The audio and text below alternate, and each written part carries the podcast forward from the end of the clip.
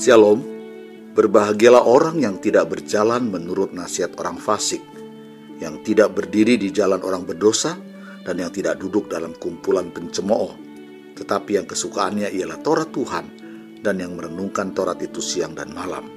Selamat mendengarkan firman-Nya, Tuhan Yesus memberkati. Shalom, selamat pagi Bapak Ibu Saudara sekalian dikasih Tuhan. Pagi ini renungan saya beri tema detok atau membersihkan. Di dalam Efesus pasal 4 ayat 31 berkata, segala kepahitan, kegeraman, kemarahan, pertikaian dan fitnah hendaklah dibuang dari antara kamu, demikian pula dengan segala kejahatan. Puji nama Tuhan, sebelum saya uraikan, mari kita berdoa terlebih dahulu. Bapa kami di dalam surga, kirim kau tolong, berkati kami semua melalui renungan pada pagi ini Tuhan, sebelum kami melakukan aktivitas yang sangat padat pada hari ini Tuhan. Kami serahkan Bapa, biar firman Tuhan ini boleh menyegarkan dan menguatkan kami. Haleluya. Amin. Bapak Ibu Saudara sekalian, di dalam dunia medis istilah detok uh, diartikan adalah merajuk kepada proses normal dari tubuh kita yang untuk membuang atau menetrakan bahkan membersihkan racun-racun dalam tubuh kita sebagai manusia. Biasanya melalui hati, ya usus besar, ginjal, paru-paru, kulit-kulit yang ada ini perlu diketahui oleh kita ya yang akan terjadi yang namanya racun dalam tubuh kita ya.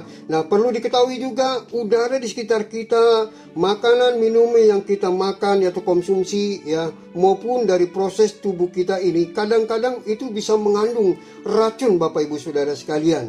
Nah, hati misalnya berfungsi itu membersihkan racun itu sehingga darah yang mengalir ke tubuh kita bisa bersih Ya, maka itu kita harus memperhatikan ini. Jika organ tubuh kita terganggu, maka racun itu tidak bisa membersihkan dan tidak bisa eh, membawa tubuh kita dalam keadaan sehat. Itu akan berbahaya bagi tubuh kita. Nah, bicara racun Bapak Ibu Saudara, bukan saja hal jasmani, tetapi juga hal rohani bisa terpapar yang namanya racun. Seperti apa Bapak Ibu Saudara? Yaitu trauma, kebencian, pengalaman buruk, ucapan-ucapan negatif, kekecewaan, kegagalan, kepahitan, dan sebagainya. Nah, hal ini menjadi racun bagi jiwa dan pikiran kita, Bapak Ibu Saudara. Sayangnya, banyak orang sering menyimpan racun-racun ini di dalam pikiran kita dan di hati kita. Itu yang membuat kita ini tidak bisa mengalami berkat Tuhan yang akhirnya kita terus ada di dalam keracunan-keracunan di dalam rohani kita. Nah, Bapak Ibu Saudara, akibat dari keracunan itu adalah muncul yang namanya sakit hati, dendam, kepahitan, kejahatan, keras kepala dan sebagainya. Di dalam dokter medis ya, hati itu tidak bisa membersihkan racun apabila ada hati yang bermasalah yang mengakibatkan semuanya kepada lari kepada kanker, Saudara, ya. Karena apa? Hatinya bermasalah. Ini tidak bisa diobatin dan perlu ditangani khusus, ya, tidak sembarangan. Nah, di dalam rohani, Bapak Ibu, depresi, pesimis, pahit akan mengarah kepada yang namanya kejahatan kalau kita tidak membersihkan atau mendetoknya.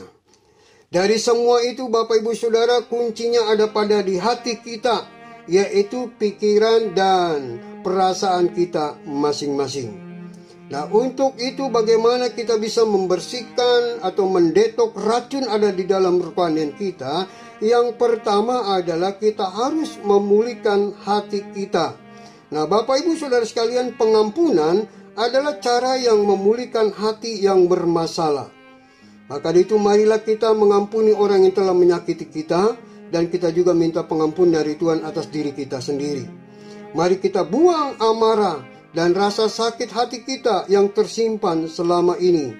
Memang tidak mudah Bapak Ibu Saudara untuk membuang hal itu semua, tetapi kita mau belajar untuk mengampuninya. Alkitab berkata bahwa firman dan kasih Kristus saja yang akan memampukan kita ini sehingga kita ini jadi orang yang terus memulihkan hati kita dan hati kita menjadi bersih.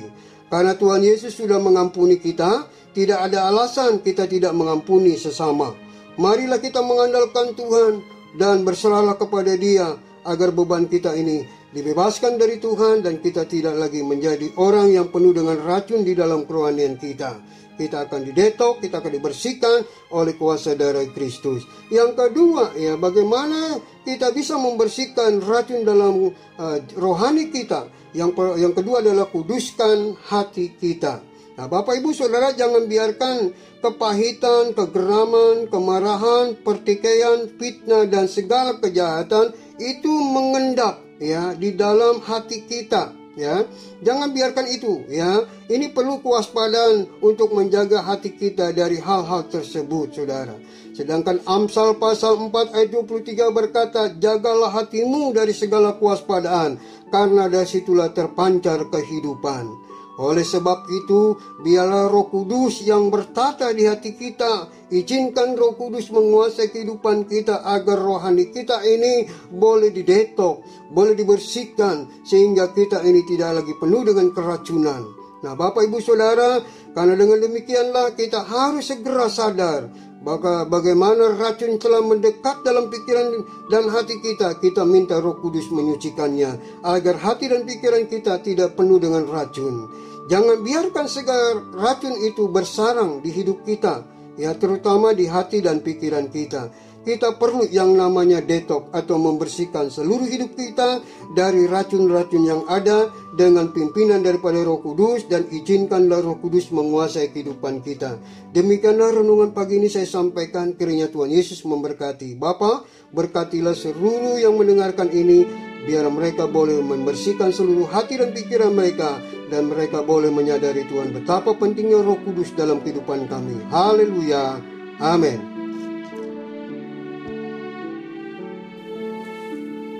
Sampai jumpa esok hari. Kiranya damai sejahtera dari Allah Bapa, kecintaan dan kasih karunia Tuhan kita Yesus Kristus, persekutuan serta penghiburan dari Roh Kudus menyertai kita sekalian mulai hari ini sampai Maranatha Tuhan Yesus datang. Amin.